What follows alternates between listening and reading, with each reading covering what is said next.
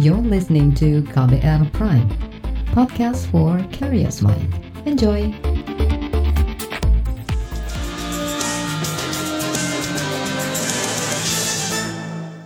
Halo saudara, senang sekali kami bisa menyapa Anda kembali dalam program KBR Sore untuk edisi hari ini Selasa 16 Juni 2020. Saya Sindu Darmawan akan menemani Anda selama kurang lebih 30 menit ke depan. Kali ini kita akan mengulas kesiapan kembali ke sekolah dengan metode tatap muka. Saudara, tahun ajaran baru sekolah akan dimulai bulan depan. Menteri Pendidikan dan Kebudayaan Nadiem Makarim menyatakan semua sekolah di zona hijau COVID-19 boleh menerapkan pola belajar tatap muka, asalkan memenuhi sejumlah syarat yang ditetapkan. Misalnya, mendapat restu pemerintah daerah dan orang tua siswa. Tapi belum banyak daerah yang berstatus zona hijau atau aman dari wabah virus corona gugus tugas penanganan COVID-19 menyebut, dari 514 kabupaten kota di Indonesia, hanya 92 yang dinyatakan bebas virus corona itu. Daerah zona hijau itu tersebar di sejumlah provinsi. Bagaimana kebijakan dan persiapan kembali ke sekolah dengan bertatap muka itu? Pekan ini, Menteri Pendidikan Nadiem Makarim menetapkan ada tiga tahapan sekolah berpola tatap muka di kawasan zona hijau. Tahap pertama dimulai pada Juli khusus untuk sekolah tingkat SMP, SMA, dan SMK. Tahap kedua atau September diterapkan untuk tingkat SD dan SLB. Sedangkan tahap ketiga atau November, belajar tatap muka diberlakukan untuk TK dan PAUD. Berikut keterangan Menteri Pendidikan dan Kebudayaan Nadiem Makarim kita telah mengambil keputusan di Kemendikbud untuk daerah dengan zona kuning, oranye, dan merah, yaitu zona-zona yang telah didesignasikan oleh gugus tugas yang punya resiko COVID dan penyebaran COVID, dilarang saat ini melakukan pembelajaran tatap muka di satuan pendidikan ini merepresentasikan pada saat ini 94% daripada peserta didik di pendidikan dini, dasar, dan menengah tidak diperkenankan untuk melakukan pembelajaran tatap muka. Menteri Nadiem Makarim mengingatkan pelaksanaan sekolah tatap muka harus mendapat izin dari pemerintah daerah, gugus tugas COVID-19, dan orang tua siswa. Tanpa restu dari ketiganya, sekolah di zona hijau harus tetap melakukan pembelajaran jarak jauh atau daring. Kapasitas kelas juga hanya boleh diisi separuh siswa.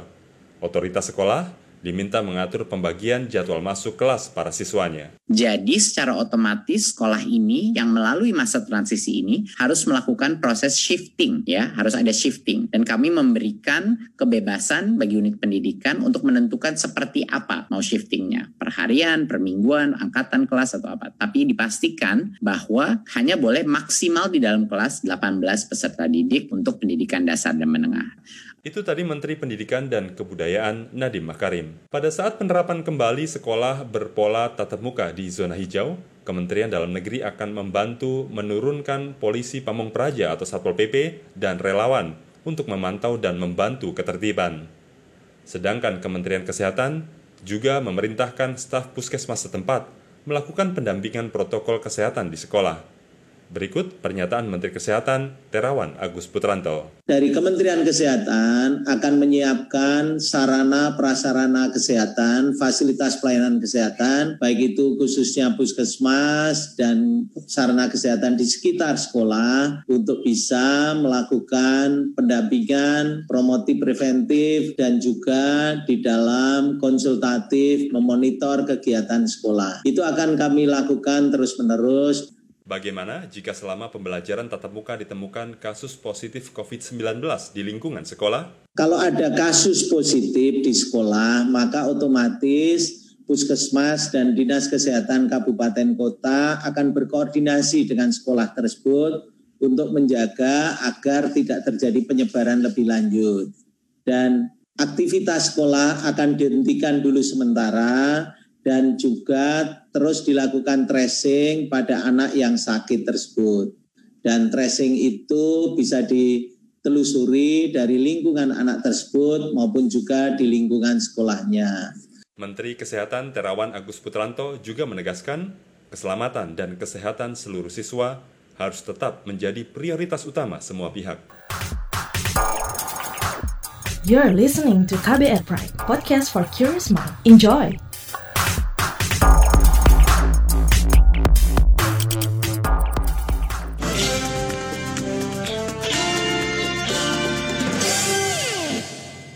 Saudara, pembukaan kembali sekolah secara bertahap di zona hijau mulai Juli mendatang memunculkan beragam reaksi dari orang tua murid.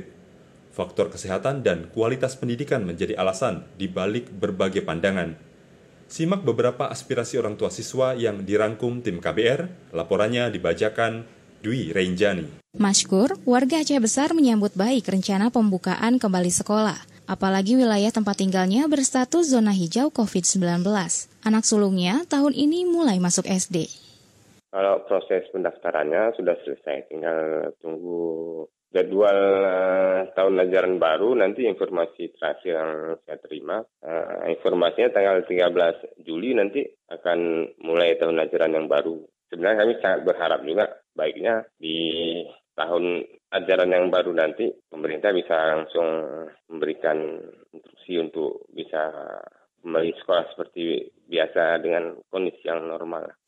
Maskur ingin sekolah segera berjalan normal tahun ini, sebab menurutnya siswa SD bakal lebih sulit jika harus belajar dari rumah, apalagi jaringan internet di sana belum memadai. Namun, Maskur meminta pembukaan sekolah juga diiringi pemberlakuan protokol kesehatan yang ketat.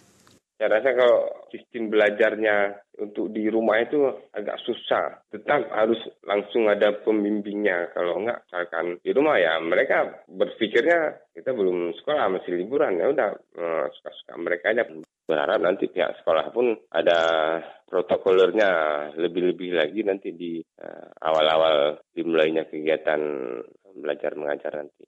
Sedari sekarang, Mashkur mulai mengajarkan putranya bagaimana menjaga kebersihan saya kasih edukasi juga ke anak eh, apa itu uh, penyakit corona itu apa, virus corona itu seperti apa, penularannya seperti apa, kemudian apa yang harus kita cegah supaya kita bisa terhindar dari eh, tertularnya virus tersebut. Lebih tekankan ya minimal sering cuci tangan, jaga kebersihan, tidak terlalu sering bersentuhan dengan teman-teman yang lain. Berbeda halnya dengan Matehos Mesak, Orang tua murid dari Kupang, Nusa Tenggara Timur. Matehos menolak sekolah dibuka kembali meski daerahnya masuk ke zona hijau. Ia khawatir anaknya bakal tertular virus saat pembelajaran tatap muka. Baginya, lebih baik tinggal kelas ketimbang terjangkit corona. Kami berpikir lebih baik dia tidak naik kelas setahun misalnya, katakanlah, daripada resikonya lebih fatal. Karena memang kami sangat khawatir. Apalagi anak-anak, biasanya mereka lebih unaware ya soal kedisiplinan dan kontrol. Kedua anak Mateho sedang menunggu kenaikan kelas setelah tiga bulan belajar jarak jauh. Jika kondisi tak kunjung ideal, ia berencana untuk mencari sekolah swasta dengan metode homeschooling membuka peluang tetap untuk belajar dari rumah seperti biasa. Kan kita sudah jalani selama satu semester ini dengan kekurangan dan kelebihannya memang ada banyak keluhan dan lain sebagainya. Kalau ada sekolah swasta yang membuka peluang untuk anak kami bersekolah dari rumah, apa boleh buat? Kami akan jalani itu. Mateo sanksi dengan kesiapan pemerintah untuk memulai kembali pembelajaran tatap muka. Ia menegaskan anak-anaknya bakal kembali sekolah apabila masa wabah sudah terlewati sebagai orang tua ada dalam sikap yang paling ekstrim. Hanya ketika ada bukti bahwa memang wabah ini benar-benar berakhir, saya baru mengizinkan anak saya ke sekolah. Kami bersiap untuk menanggung resiko yang paling fatal, misalnya bukan fatal ya, resiko yang paling berat, misalnya anak saya, kami tidak naik kelas. Jadi saya tidak mau bicara soal protokol dan macam-macam. Perasaan was-was juga bergelayut di benak titik, warga Tangerang Selatan. Daerahnya hingga kini masih berstatus zona merah. Ia belum siap jika anak-anaknya harus masuk sekolah, meski Tangsel sudah beralih menjadi zona hijau. Titik khawatir anak-anak belum terbiasa memproteksi diri sebetulnya kalau bisa tuh jangan ya belum aman walaupun zona hijau juga kan maksudnya kondisinya kan anak-anak masih belum terlalu care menjaga dengan dirinya kesehatannya beda sama kita orang tua kan selalu waspada antisipasi Khusus untuk anak bungsunya yang baru masuk SMP tahun ini, Titik mengizinkan ikut kegiatan pengenalan sekolah. Ia sendiri akan mendampingi secara langsung untuk memastikan keselamatan. Namun, Titik ingin kegiatan belajar mengajar selanjutnya dilakukan secara daring. Dan itu orang tua wajib mendampingi, makanya nanti aku juga ikutan tuh MPLS. Kalau selama memperhatikan protokol kesehatan sih masih nggak apa-apa ya. Dan itu juga durasinya nggak lama. Tapi kalau untuk benar-benar tatap muka sudah dimulai selama kurun waktu berjalan terus, maksudnya akan selamanya begitu, kayaknya masih mengkhawatirkan. Aspirasi berbeda ditunjukkan Rudi, warga Hulu Sungai Tengah, Kalimantan Selatan. Ia mengaku siap jika sekolah di wilayahnya kembali dibuka, meski masih masuk jalur merah. Namun, faktor keselamatan menjadi syarat mutlak yang harus dijamin pemerintah kita mengikuti anjuran dari pemerintah aja. Kalau memang nanti buka, memang sesuai dengan protokol kesehatan diperbolehkan dan memang ada jaminan keselamatan untuk siswa-siswa ya kita sebagai orang tua murid ya tidak masalah. Demikian laporan tim KBR, saya Dwi Renjani. KBR sore akan jeda sejenak. Di sesi berikut, organisasi guru memberikan tanggapan mengenai kebijakan dan persiapan pembukaan sekolah di zona hijau. Kami segera kembali. You're listening to KBR Pride, podcast for curious mind. Enjoy!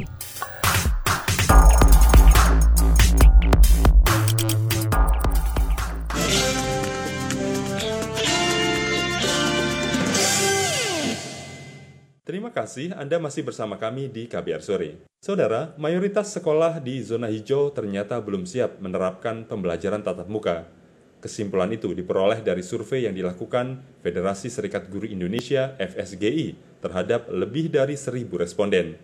Seperti apa persisnya hasil survei itu? Berikut penjelasan Wakil Sekjen Federasi Serikat Guru Indonesia, Satriwan Salim. Mayoritas sekolah sebanyak 55,1 menjawab sekolah belum memenuhi semua kebutuhan pokok yang dibutuhkan dalam menghadapi kenormalan baru. Artinya, sekolah-sekolah kita walaupun itu di zona hijau, belum siap untuk dibuka kembali. Walaupun ada yang mengaku sudah siap, sebanyak 21 persen, Mengenai waktu yang tepat membuka sekolah, mayoritas sekolah responden 55,1 menjawab membuka sekolah jika kondisi sudah normal kembali, kapan pun waktunya. Sedangkan yang memilih sekolah segera dibuka di zona hijau bulan Juli tahun ajaran baru adalah sebanyak 20,8 persen. Ketiga, 16,2 persen berpikir membuka sekolah di awal semester genap Januari 2021. Apakah FSGI merekomendasikan agar pemerintah memperpanjang sistem pembelajaran jarak jauh atau belajar di rumah? Rekomendasi adalah perpanjangan PJJ BDR lebih relevan tidak hanya untuk di zona hijau, melainkan semua zona. Walaupun pemerintah sudah membuat SKB 4 Menteri yang memberikan peluang bagi siswa yang berjumlah 6% dari populasi, untuk sekolah dibuka kembali. Tapi ini akan melahirkan persoalan baru dalam hal teknis di sekolah. Yang tadi saya sebut di awal, izin dari orang tua yang berbeda-beda di satu sekolah. Itu akan mempengaruhi jam belajar, akan mempengaruhi metode belajar, akan mempengaruhi kualitas layanan. Ada sebagian gurunya ke rumah-rumah siswa, karena mungkin orang tuanya tadi tidak menyetujui anaknya masuk, even itu di sekolah zona hijau harus ada koordinasi dengan Pemda atau dengan uh, apa namanya uh, stakeholder stakeholder yang lain yang seperti tadi saya sebut. Uh, sosialisasi protokol ini paling penting pemahaman guru. Bagaimana evaluasi belajar dari rumah yang sudah berjalan tiga bulan ini? Uh, makanya itu yang kami sayangkan kemarin Mas Nadim tidak berbicara yang 94 persen yang PJJ Mas Nadim fokusnya Kenapa hanya ke yang 6% ya? Yang 6% itu secara data pun tadi sebenarnya juga tidak siap-siap amat gitu kan. Nah, padahal yang 94% sudah dilakukan pembelajaran tiga bulan. Kenapa tidak ada evaluasi dari pemerintah pusat, Kemenak dan Kemdikbud?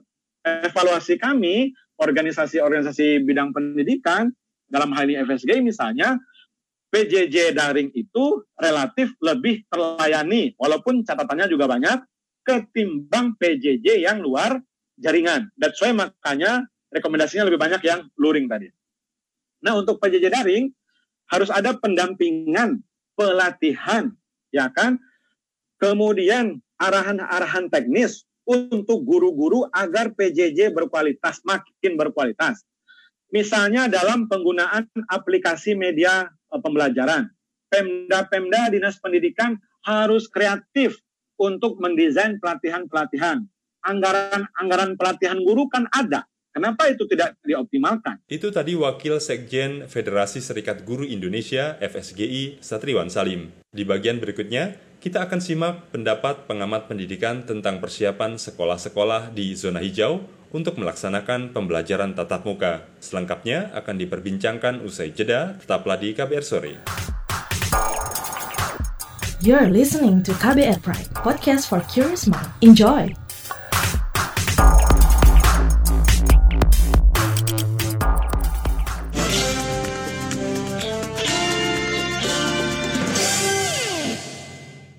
Masih mendengarkan KBR Sore. Saudara, kebijakan pemerintah mengizinkan sekolah di zona hijau mengadakan kegiatan belajar tatap muka menuai kritik dari sejumlah pihak, termasuk para pemerhati pendidikan di Jaringan Pemantauan Pendidikan Indonesia JPPI.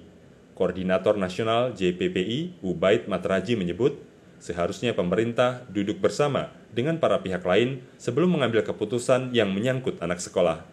Berikut perbincangan dengan Koordinator Nasional Jaringan Pemantauan Pendidikan Indonesia JPPI, Ubaid Matraji bersama jurnalis KBR, Mutia Kusuma Wardani. Bagaimana pendapat Anda? Ya saya sebenarnya uh, kecewa ya, karena menurut saya tidak jelas gitu kayak masih galau gitu ya. Jadi ada yang boleh, ada yang enggak boleh juga setengah-setengah. Nah, kalau nggak diikutin orang tua juga nggak boleh segala macam sehingga menurut saya tetap rancu gitu. Tidak ada apa kegiatan sikap yang jelas bagaimana menyikapi pendidikan di kala pandemi ini gitu. Kalau Juli itu pembelajaran dimulai tahun ajaran baru ya, saya sudah tahu berdasarkan evaluasi tiga bulan belakangan itu bahwa pendidikan via daring, eh, pembelajaran via daring itu nggak efektif, ya kan? tidak efektif dan tidak berkontribusi pada mutu pendidikan. Jadi sebaiknya uh, ditunda, tapi kenapa tetap ngotot harus dengan bulan Juli? Uh, dibedakan antara zona hijau dengan zona merah, sementara zona hijau itu hanya ada berapa? 6 persen ya? Iya. Hanya ada 6 persen. Uh, itu pun dengan protokol COVID yang tepat, kemudian kalau orang tua tidak mengizinkan anaknya ke sekolah juga boleh nggak sekolah. Mm -hmm. Itu teknisnya kan uh, rumit sekali itu yeah. gitu. Bagaimana menyikapi anak-anak yang dilarang oleh orang tuanya sekolah gitu. Jadi sekolah menjalankan dual sistem gitu. Satu sisi PJJ, satu sisi tatap muka gitu. Wah itu ribet sekali. Orang satu sistem yang PJJ aja uh, kalang kabut, apalagi uh, dibikin yang zona hijau itu boleh PJJ, boleh tatap muka. Apa saja hambatan bagi sekolah yang berada di zona hijau untuk mengadakan kegiatan belajar mengajar secara tatap muka? Uh, yang pertama, uh, zona hijau itu belum tentu apa namanya benar-benar uh, clear betul ya. Karena kita tahu hari ini itu tidak ada pembatasan orang dari zona merah pergi ke zona hijau. Itu pula sebaliknya, orang zona hijau uh, bisa pergi ke zona merah, segala macam gitu.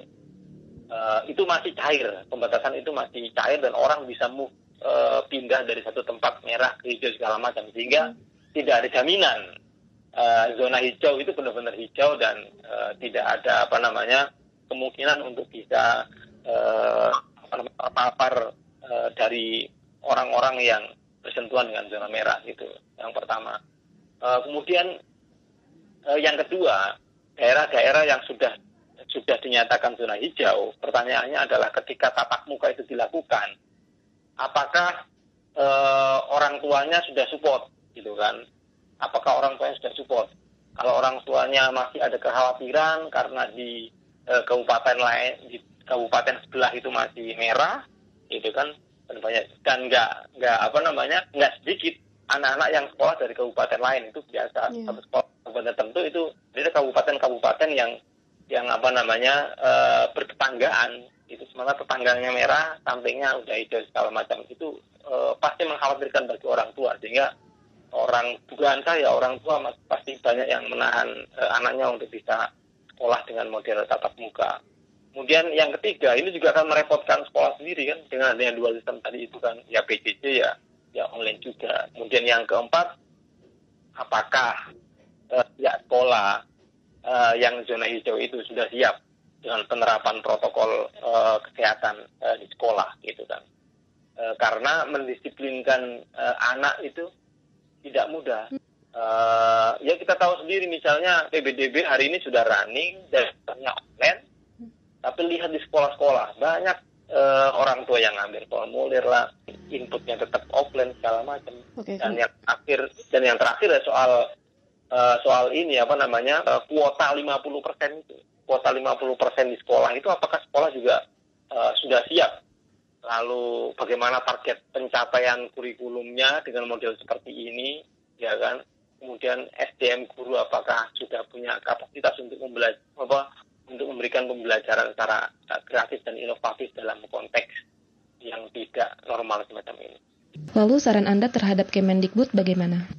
Uh, jadi kalau kita lihat pendidikan dalam situasi pandemi ini kan karena ini situasi yang darurat harusnya semua stakeholder yang terkait dengan pendidikan itu duduk bareng. Gitu. Tapi nyatanya kemarin waktu pengumuman menak nggak ada. Banyak pesantren yang punya sekolah. Nah kalau misalnya sudah ada kebijakan untuk sekolah dan madrasah, sementara kebijakan pesantrennya belum ada, Nah, ini kan pincang namanya. Saudara perbincangan dengan Koordinator Nasional Jaringan Pemantauan Pendidikan Indonesia JPPI Ubaid Matraji menutup KBR Sore edisi Selasa 16 Juni 2020. Pantau terus informasi terbaru melalui website kbr.id, Twitter kami at berita KBR, serta podcast melalui kbrprime.id. Akhirnya saya Sindu Darmawan undur diri, salam.